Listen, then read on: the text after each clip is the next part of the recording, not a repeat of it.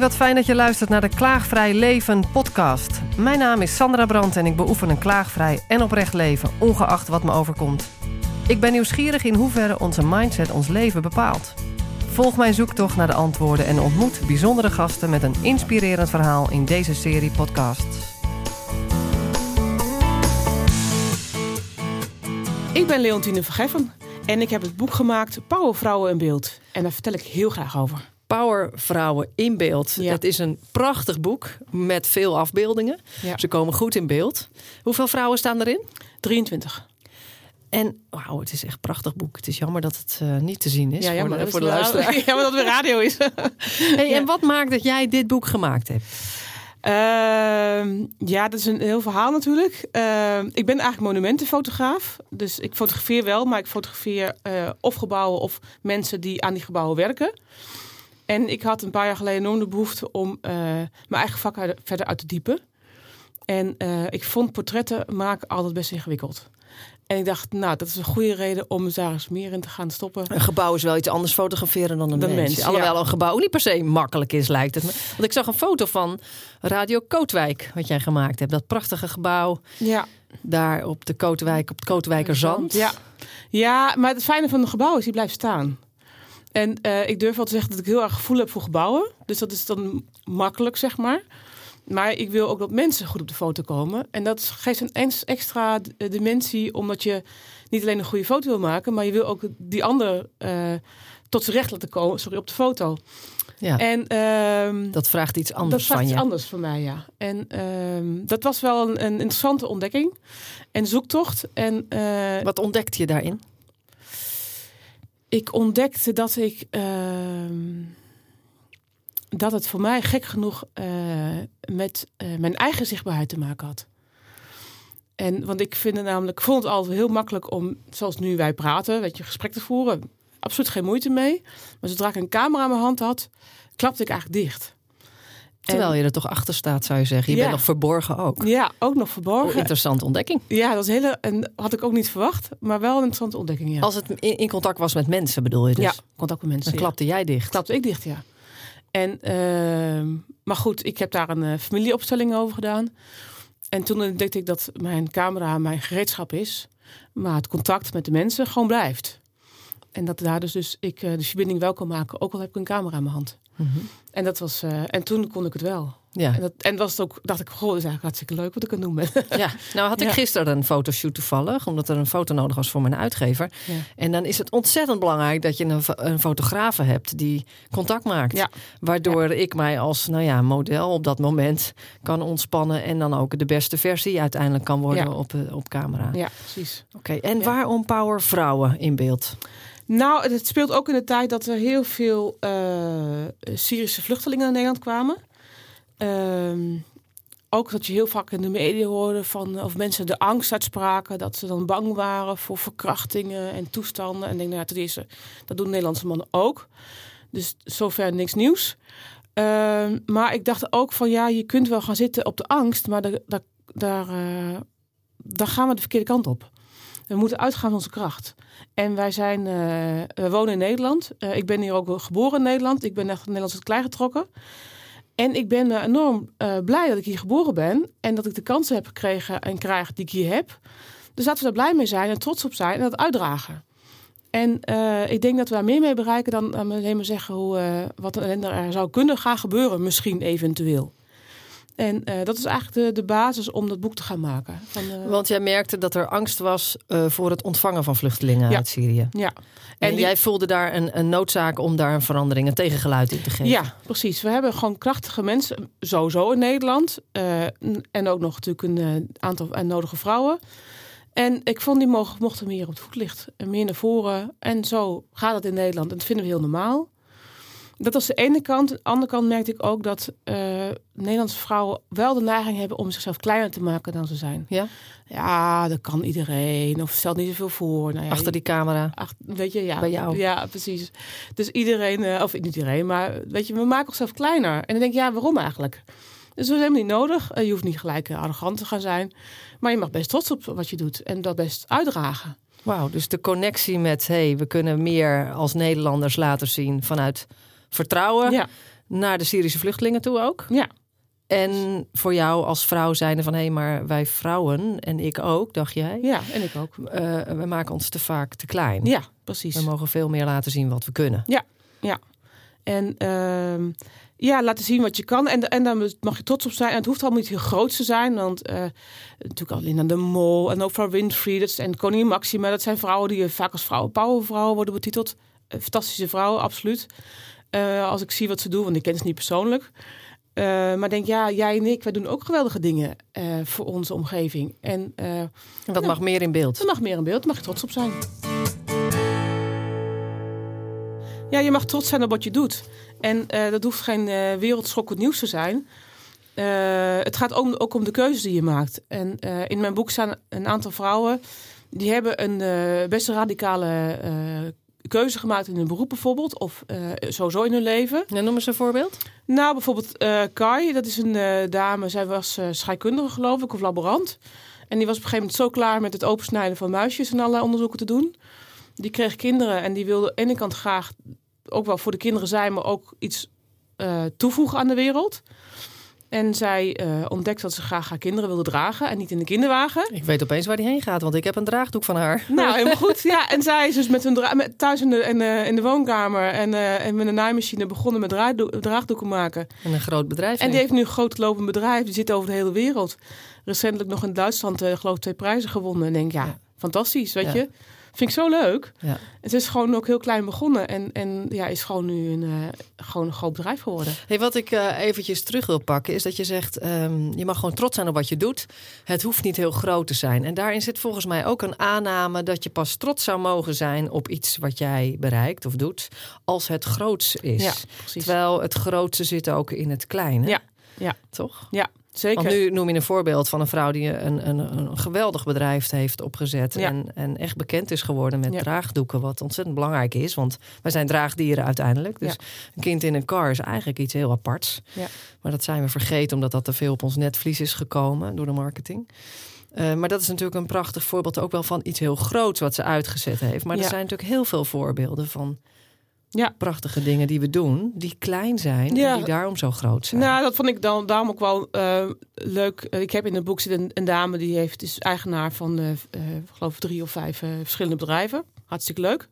Maar er zit ook een vrouw in. Zij heeft wel een universitaire opleiding, maar heeft bewust gekozen toen ze kinderen kreeg om thuis te blijven. Ja. En als ik zie wat ze voor de kinderen doet, ook een van de kinderen is autistisch, heeft heel veel hulp en begeleiding nodig. En ja, dus denk ik vind ik mooi dat toch dat, dat zij ook daarin en wat ze dus doet voor haar omgeving uh, kleinschalig, maar haar bijdrage heeft met al haar kennis en know-how.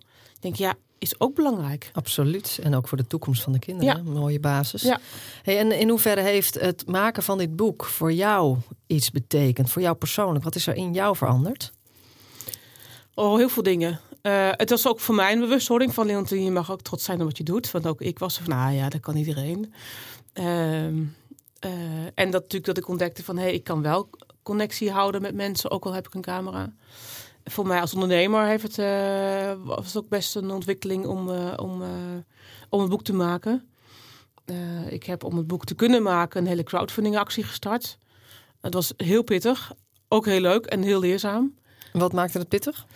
Uh, omdat ik uh, ruim een maand eigenlijk bijna fulltime bezig was om uh, die crowdfunding om die, te laten slagen. En ehm, de eerste.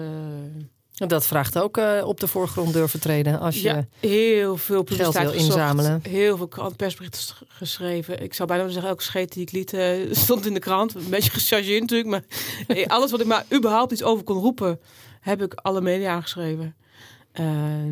Nou ja, dat is gewoon ook een hele klus. Dus ik ben ook lokale radio geweest, heel veel in de kranten gestaan, interviews gegeven, noem maar op. En dat is heel erg leuk, maar dat kost heel veel tijd. En ondertussen gaat je bedrijf gewoon door.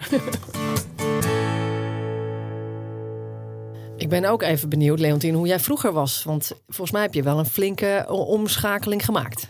Ja, ik, ik was als kind. Mijn ouders dachten dat ik autistisch was een korte tijd. Omdat ik altijd, als we naar bezoek gingen, zei ik zeg niks. En vervolgens zei ik ook helemaal niks. Tegen die mensen die voor mij vaak vreemden waren. Uh, Ik denk dat de leraren op de middelbare school zijn geweest... die niet eens weten dat ik überhaupt in de klas zat. Een stil, uh, stil muisje Ik was, echt een categorie. En in mijn studententijd langzaamaan uh, kreeg ik een beetje meer lef... en durfde ik een beetje meer. En, maar is op zich niks mis mee per se, hè? Nee, is niet per se mis mee. Alleen, het kwam mij heel erg voor het angst. Ik was heel Aha. bang. Mm -hmm. En in mijn studententijd leerde ik van... ja, Leontien, als je iets in de wereld wil doen en wil bereiken... dan moet je je angsten overwinnen. Hoe kwam je tot dat inzicht? Nou, dat was eigenlijk heel, ja, misschien heel bazaal eigenlijk. Ik durfde eigenlijk niet s'avonds laat over straat. Mm -hmm. Ik was heel erg bang dat ik verkracht zou worden, dat er enge dingen zouden gebeuren met me. Maar ik wilde wel graag uit. En ja, en die kroegen, die, uh, ja, die, je begint vaak om negen of tien uur pas en dan eindig je ergens naar middernacht. Moet je toch leuk, naar buiten? Maar je moet toch naar buiten. En om altijd andere mensen vragen me thuis te brengen, ja, dat was me ook weer een beetje eer te na. Dus toen dacht ik van ja, daar moet ik wat mee doen. Dus uh, ik ben weerbaarheidslessen gaan volgen. En zelfverdediging jarenlang gedaan. En toen ontmerkte ik ook eigenlijk dat de angst die ik had, vooral mijn eigen angst was. Dus ik stond, als je dan staat te kijken, tegenover iemand anders. Maar het was mijn angst uh, waar ik mee worstelde. Ja. En die ik, uh, waar ik mee aan de slag moest. Ja. Dus dat inzicht kreeg je, dat het jou te veel belemmerde om te genieten van het leven bijna ja. eigenlijk. Ja, klopt. Ja. Wauw. Ja. Dus jarenlang uh, aan trainingen meegedaan met zelfverdediging. Ja. ja. Ja, ruim 20 jaar gedaan. Lesgegeven zelfs nog. Oh ja? Ja. ja. Merkte je dat veel vrouwen daarmee worstelden toen? Ik denk überhaupt dat veel vrouwen daarmee worstelen. Als ik hoor hoe vaak er ook tegen nog steeds meisjes wordt gezegd van nou, pas maar op en kijk uit en niet alleen over straat. Denk ik, ja. Er wordt veel angst ik, aangepraat ook. Ik snap je? het wel, maar het wordt aangepraat. En ik geloof heel sterk. Um, natuurlijk zijn er uitzonderingen, maar ik geloof als je slachtoffer voelt, is de kans dat je slachtoffer wordt veel mate groter. Ja. Ja. Ja. En um, ik heb best natuurlijk dingen meegemaakt. Wat natuurlijk niet wil zeggen dat mensen die slachtoffer zijn geworden. Nee, ik wil niet zeggen dat, dat, ze, dat ze het per se zo van zelf hebben uitgelokt. Nee, het is ook niet dat ik zeg dat je uitlokt. Maar je houding is daarin heel belangrijk, denk ik. En, uh, en als je een beetje weet uh, en een beetje lef hebt om jezelf op te komen, denk dat je heel veel dingen kunt voorkomen ook. Mm -hmm. Niet maar, alles, maar een hoop wel. Een hoop wel. En, en ook wel, kijk, natuurlijk zijn er best situaties waar ik dacht van, mm, Leontien, uh, je moet weg hier, want het is niet veilig voor je. Mm -hmm. En als je dus uh, jezelf goed kent en je op jezelf intuïtie durft te vertrouwen, kun je ook die situatie te gang uit de, uit de weg gaan. Uit de weg gaan. Um, en niet langer inblijven. En niet langer inblijven. Goed is. Ja, en, en, en om, om het, soms is gewoon situatie onveilig. Absoluut.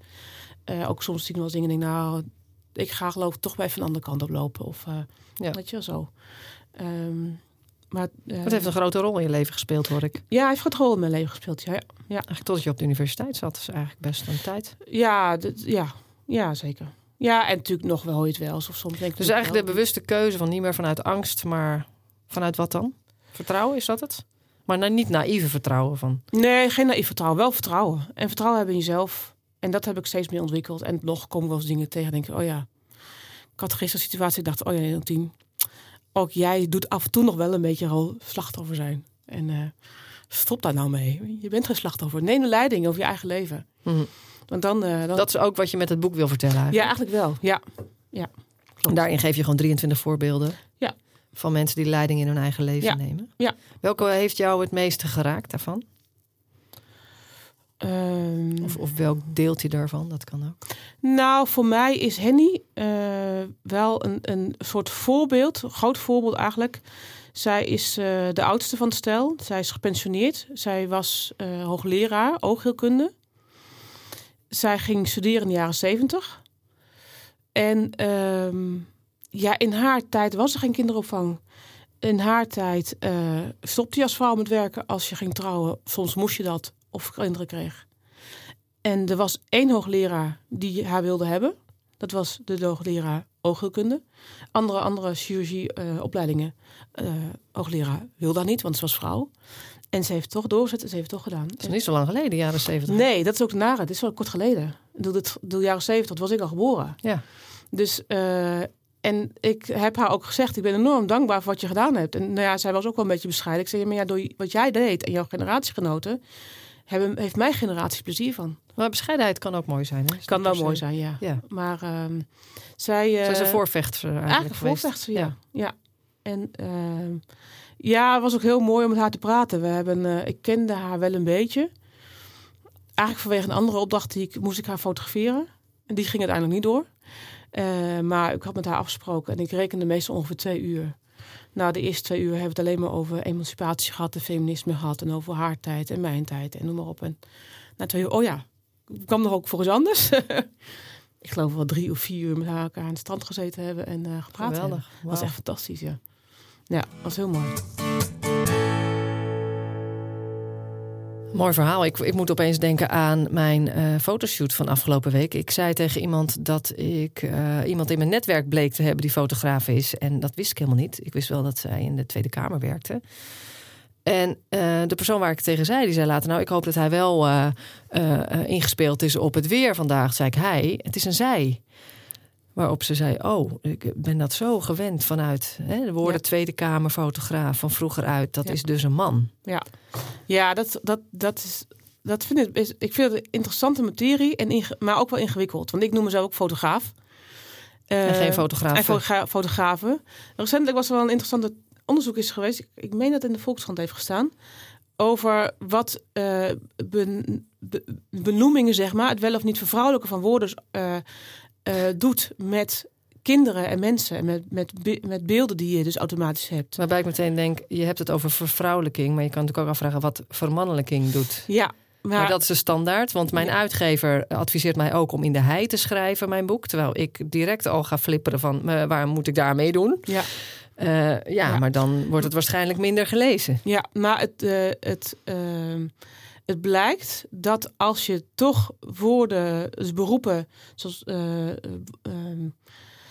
dus technicus of technica gebruikt, om ik was even zoeken wat goede variatie zeg maar, dat dat voor mensen makkelijker twee beelden kunnen krijgen of niet meer automatisch een man zien voor ogen dan als je altijd alleen maar op die mannelijke vorm blijft zitten. Sterker nog, als je een advertentie zet dat je een technicus of technica zoekt, is de kans dat de, ook vrouwen reageren vele maten groter dan als je de technicus MV bij zet. Oh ja?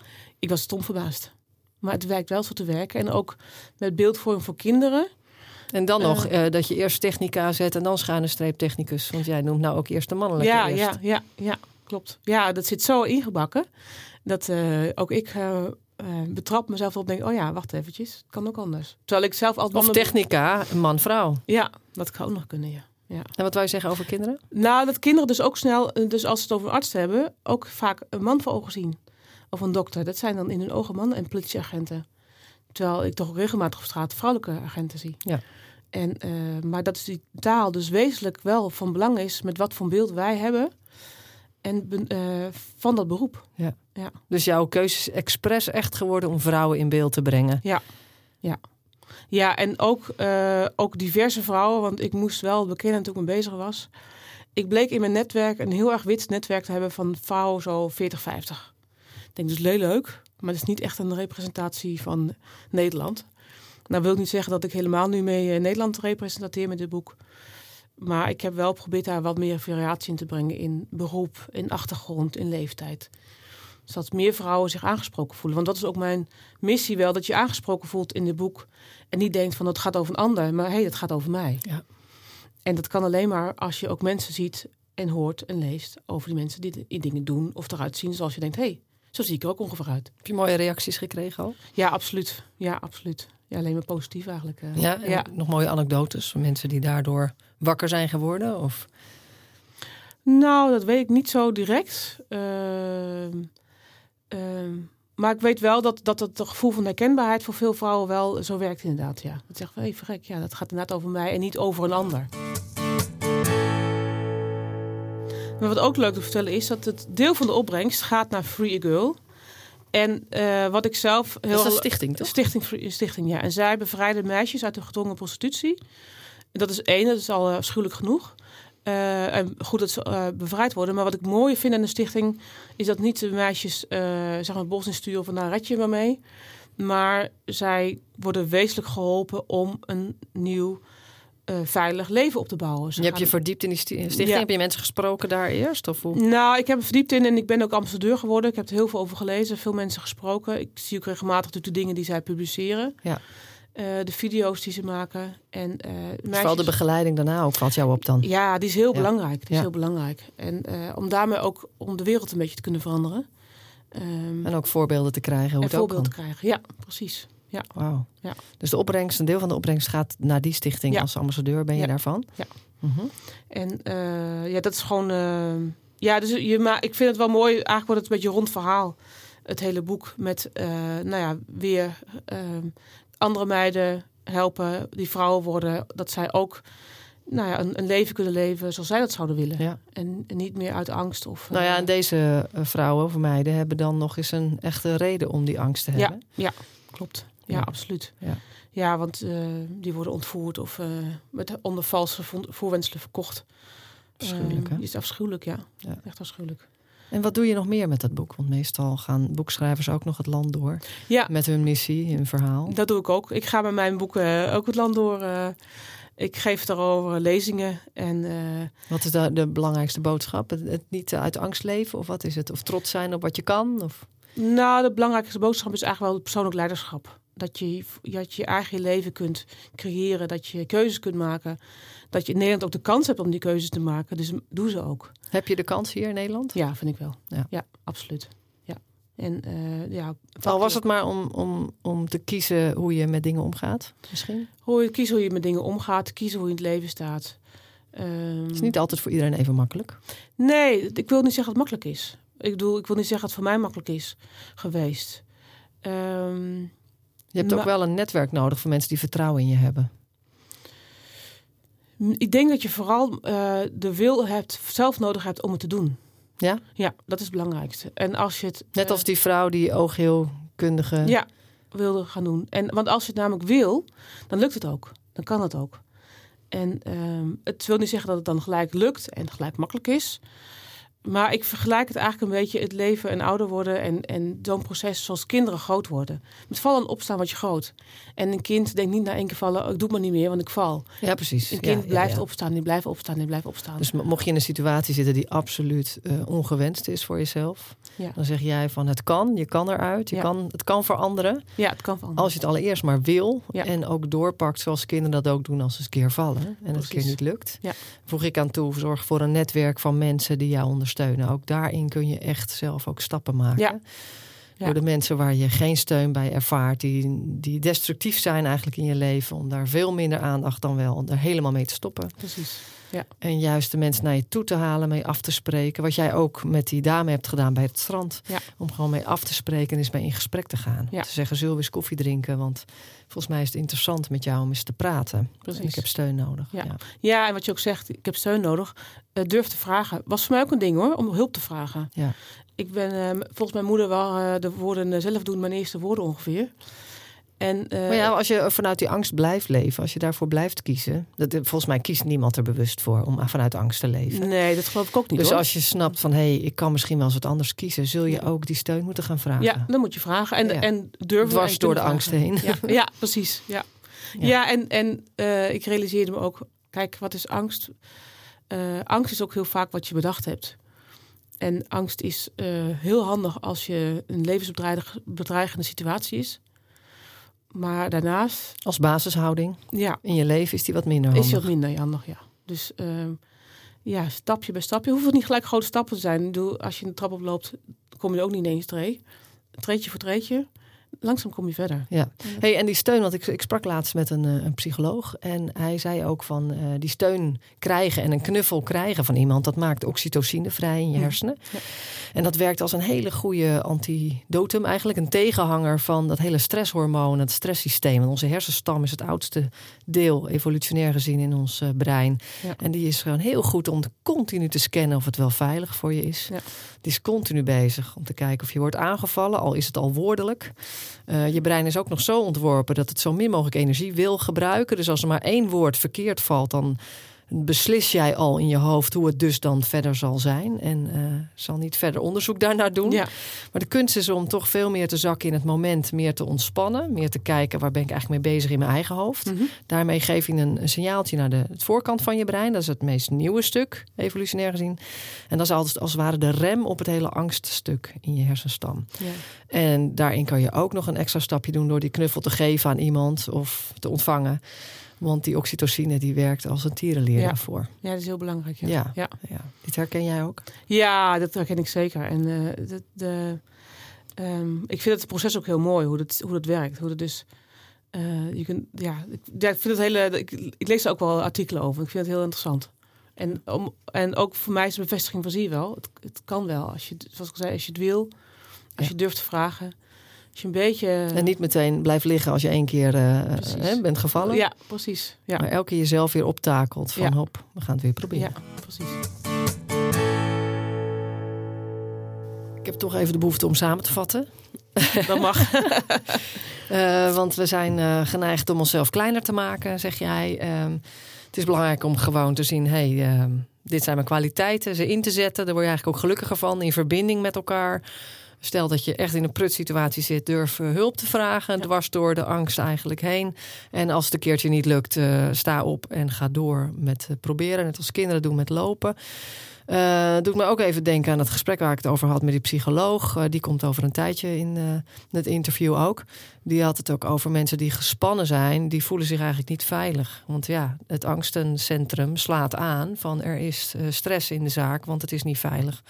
Veiligheid is basisbehoefte nummer één. Dus als jij je niet veilig voelt, ja, dan heb je dus eigenlijk een heel groot probleem. Ja. Dan wel uitdaging.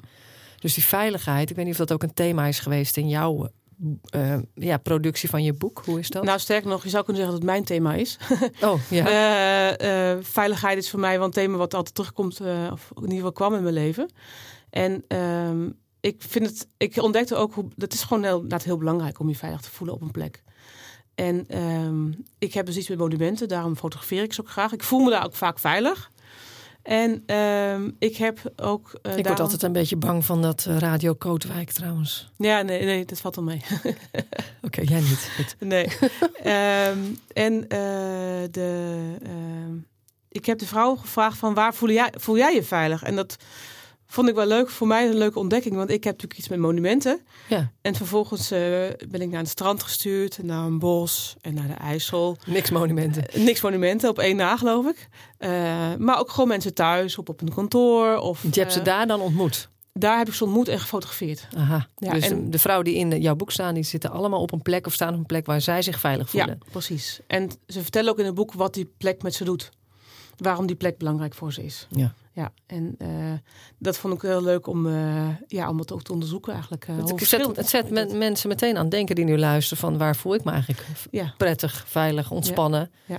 En het is ook belangrijk omdat je naast natuurlijk eten en drinken is veiligheid zo belangrijk omdat je van daaruit kun je groeien als mens. Ja. Als je niet veilig voelt, dan kun je niet groeien. En ieder mens wil hoe dan ook groeien. Dat, dat, dat zit gewoon ook in, in onze natuur. Ja, precies. In een veilige, een veilige situatie leer je Ja. ook het makkelijkste. Ja, precies. En groei je dus ook Ja. makkelijker. Ja. En voel je beter. Ook dat. Ja. Dus dat is wel. eh, Ja. Dus creëer een plek waar je veilig voelt. Ja. Wees je bewust van waar dat is. Ja. Heel belangrijk. Ja. Waar kunnen mensen jou vinden als zij eh, graag een lezing van je willen bijwonen of, of je boeken willen kopen? De, ehm, bij het boek hoort een website. Die heet ook powervrouweninbeeld.nl. Eh er hoort een e-mail bij info.powervrouweninbeeld.nl. En ehm, nou ja. Staat er wat op de agenda waar mensen naartoe kunnen dit jaar? Ja, Of ik is het meer op ga... aanvraag? Het is wel op, nou, op aanvraag, maar ik weet dat ik op 8 maart zit ik in Enschede, doe ik mee met een, eh, de Internationale Vrouwendag. Oh ja. Eh, ik geloof 21 maart zit ik in Den Helder. Eh, in de bibliotheek daar, met de, in de mooiste bibliotheek van Nederland, vorig jaar uitgeroepen. Is ook nog een monumentaal pand. Ik In denk, Den nou, Helder. denk nou, Ver weg is dan. maakt niet uit. Eh, maar het is alles waard, hoor ik. het is mij zeker waard. Monumentaal pand. Ja, daarom. Nou, dat moet ik Je zeggen. ogen gaan er al versprakkelen. Ja, ja. Dat is alleen al leuk. Ja. Het wordt monumental. Ja, daar word ik al heel blij van. Ik denk dat moet zo zijn, denk ik dan. En er is misschien dat ik eh in Terneuzen nog iets eh, in april geloof ik, maar het is niet helemaal zeker. Dus ik kom in alle uithoeken en eh, nou ja, helemaal leuk. Superleuk. Ja. Ik vond het ontzettend leuk om jou te spreken. Ik wil je boek nog even doorbladeren. Ik blijf nog even zitten. Is er nog iets wat je de luisteraar mee wil geven nu? Nou ja, misschien wel eh, de.